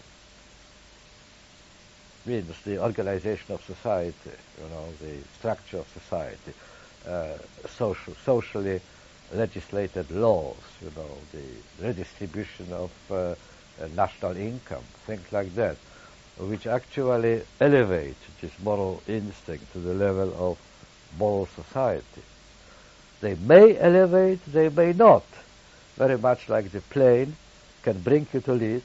Sometimes, you know, it fails and it doesn't work. And uh, uh, people actually who uh, travel a lot today know very well that most planes come late and leave late and you lose connections and uh, airports are overcrowded. So it's far from ideal. Now the same applies to the question of social justice.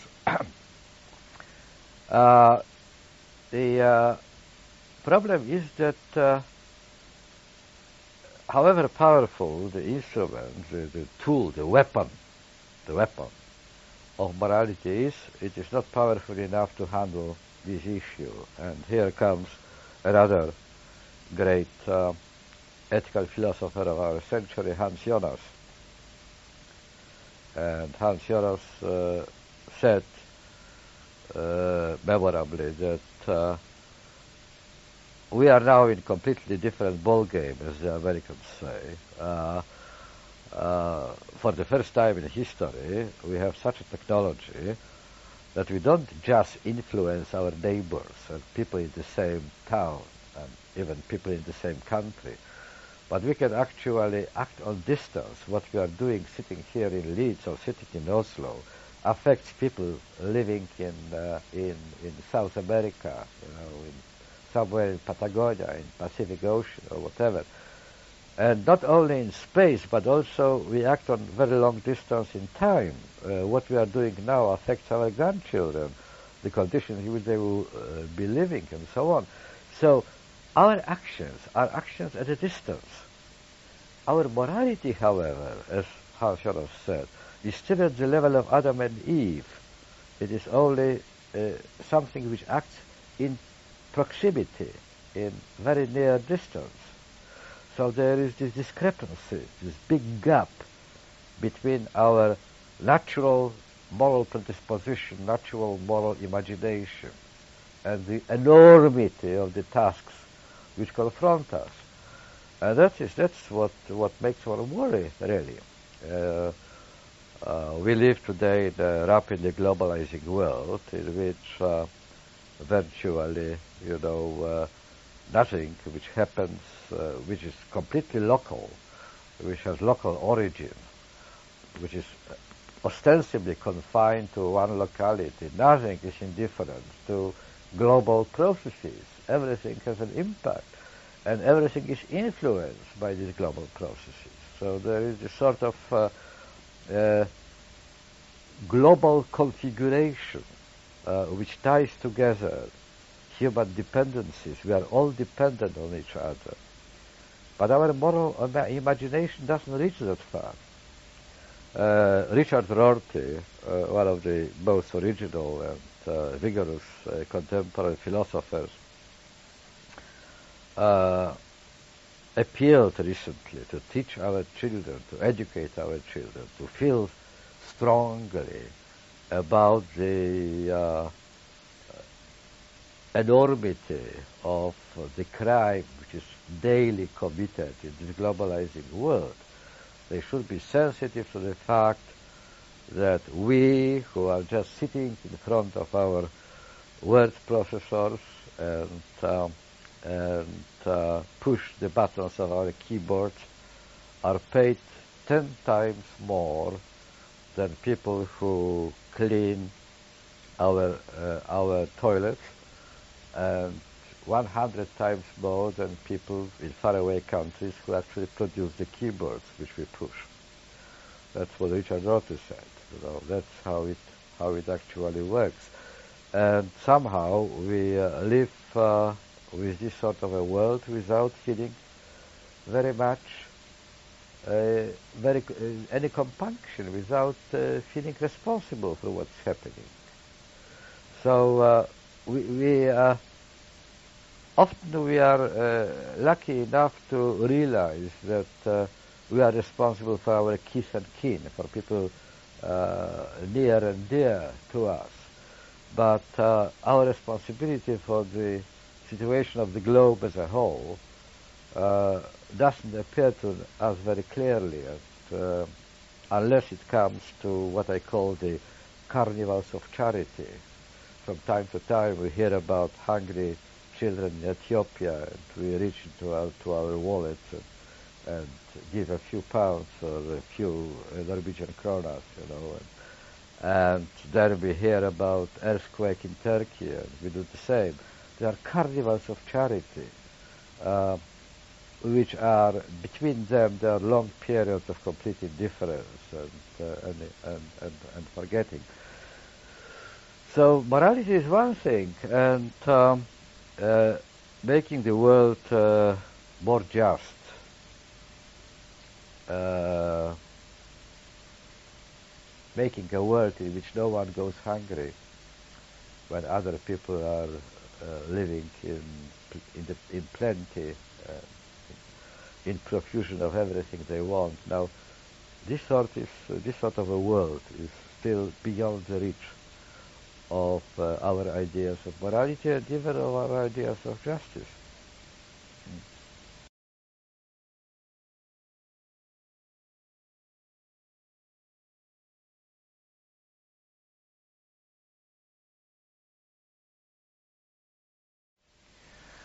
Yes, you brought up the global, the global element, and you mentioned that our that our moral feeling isn't competent enough to take the entire world in its sphere. That this moral impulse, um, following Levinas, is something that is has to do with the face-to-face relationships. So how do we cope with the massive responsibilities that we have in a global world?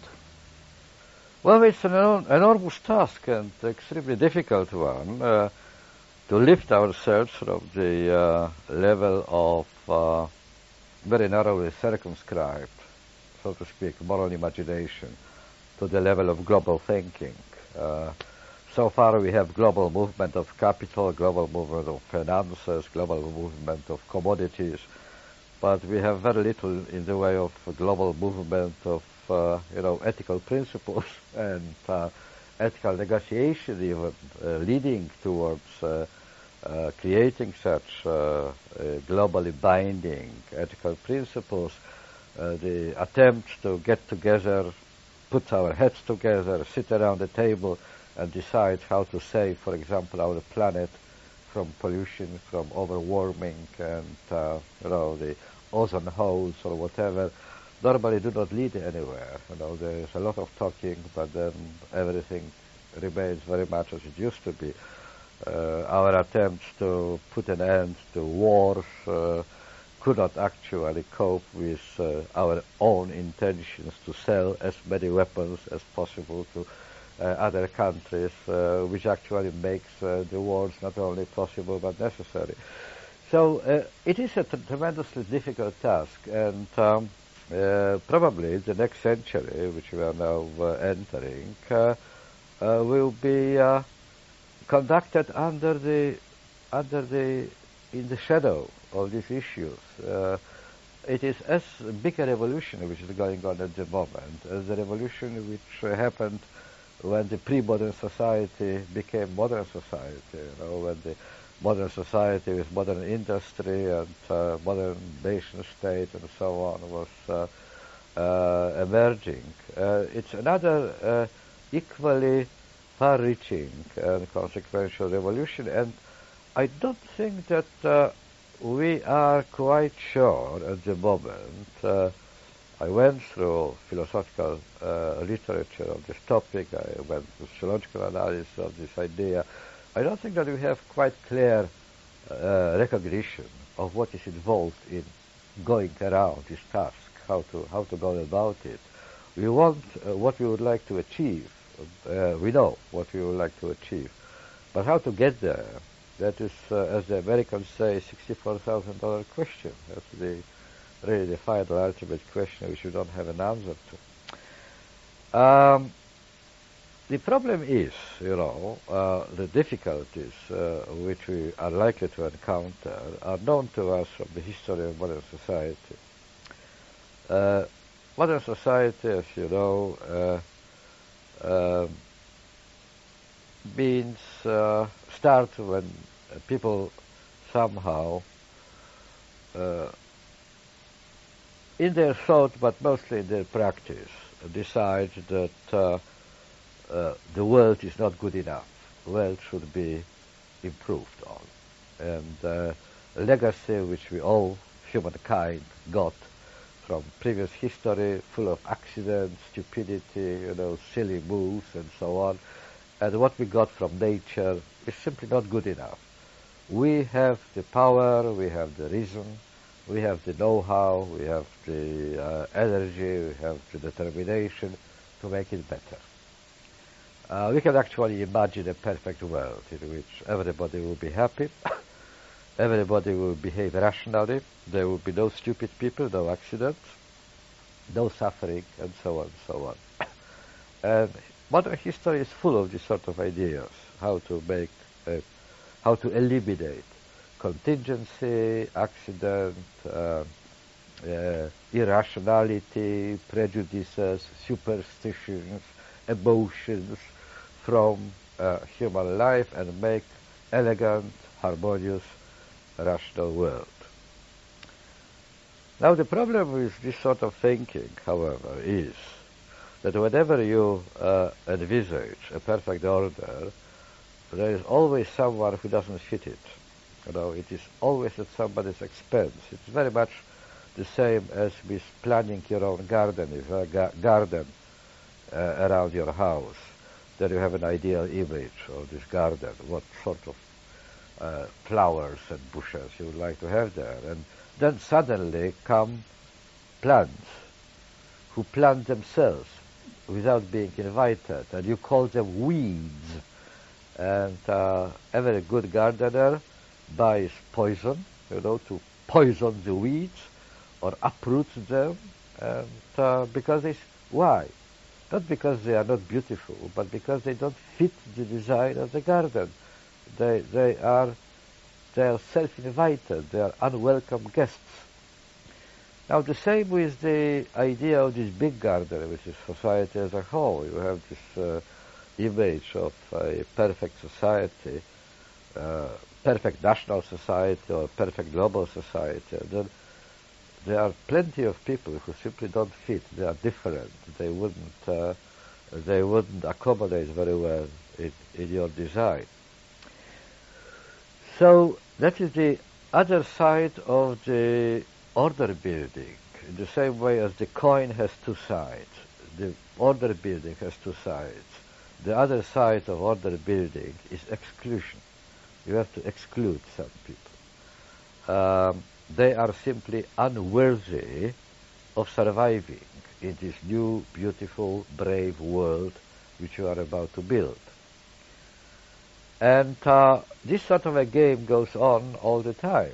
Uh, mind you, there are different ideas of order which clash with each other, so uh, who are the weeds for some are the useful plants for some others, and uh, and it goes on and on. There are clashes, there are conflicts, there are wars, and so on. And um, uh, now, in the under conditions of globalization, I think this kind of conflict, this kind of clashes, this kind of confrontations, and perhaps leading to wars, will acquire even uh, larger scale than before. That's the danger, actually. We are we are not beyond the era of uh, uh, gory and bloody wars, uh, genocides, uh, extermination. We are probably uh, about to face many other cases like that uh, in this, you know, blundering towards some sort of principles of cohabitation in the in the big world.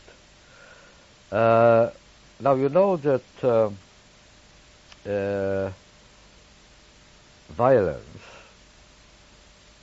performed on other people is a permanent feature of every human society. Actually, there was not a single human society which completely uh, uh, uh, excluded application of force, forcing other people, violating their will uh, um, uh, compelling them to do what they rather would not do.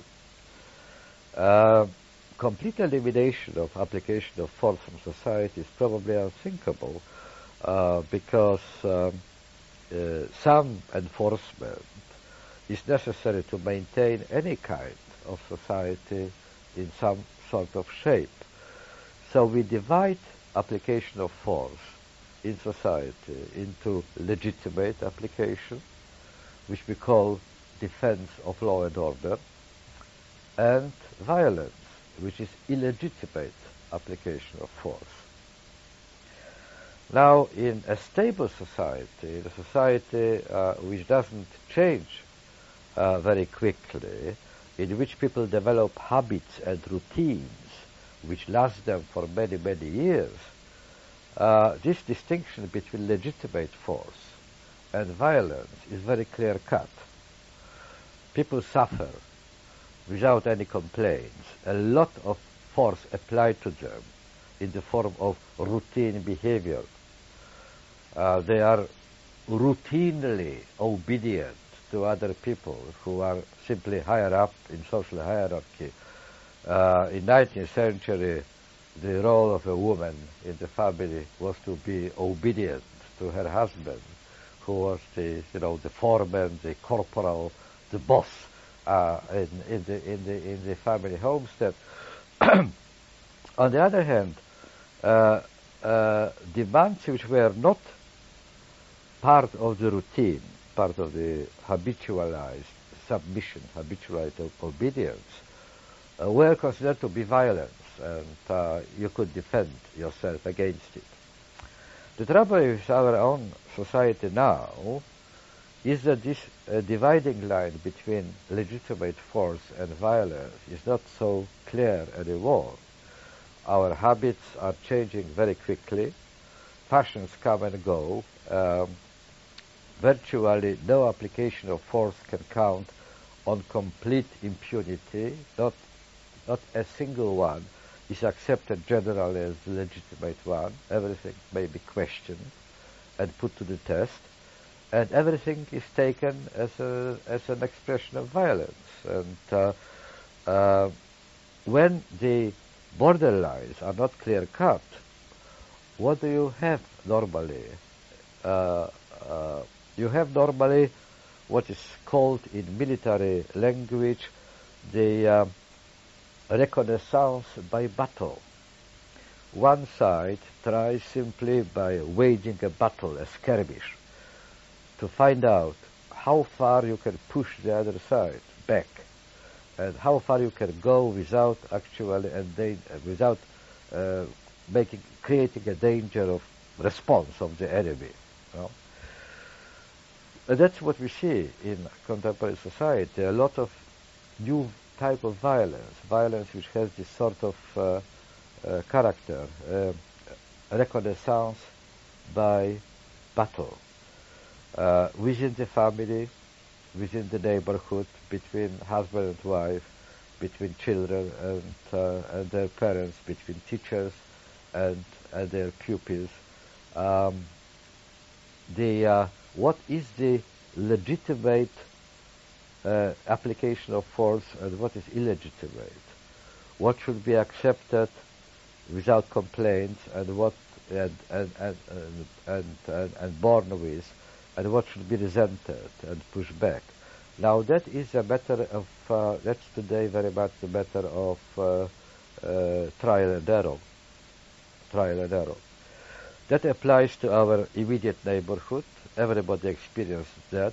Uh, the patterns of family life are very, are very fluid, are open to experimentation, which involves a lot of uh, uh, actions which at least some sides perceive as violent, as unjustified.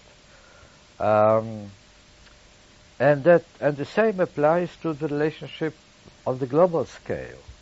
On the global scale, we just uh, we are just testing the boundaries of state sovereignty.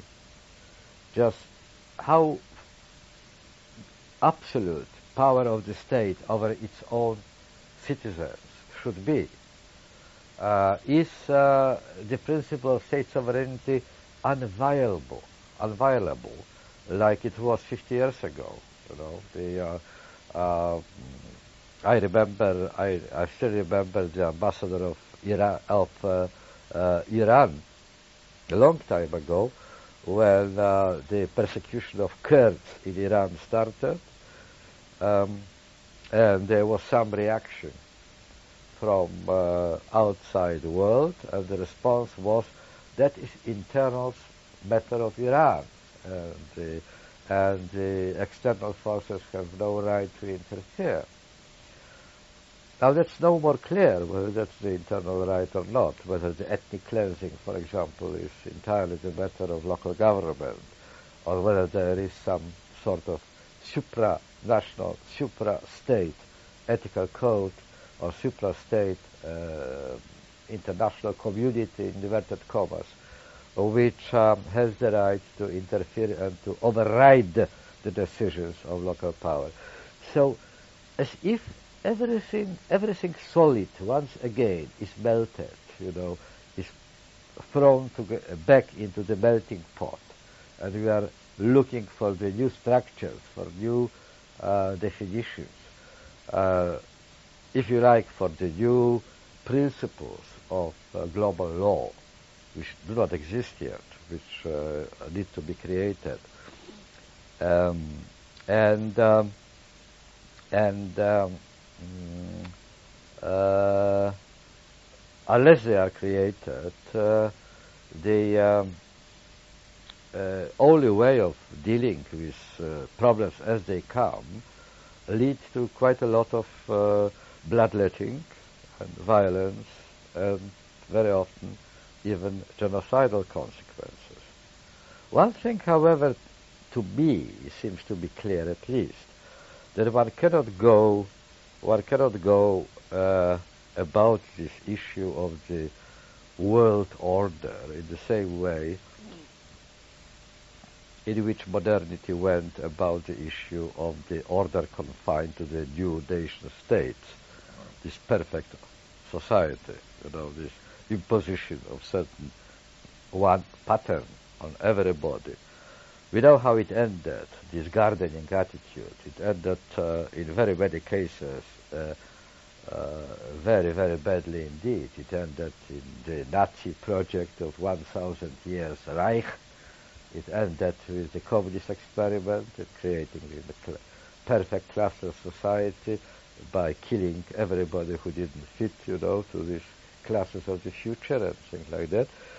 Um, so, uh, going about creating of the world order in um, one superior force,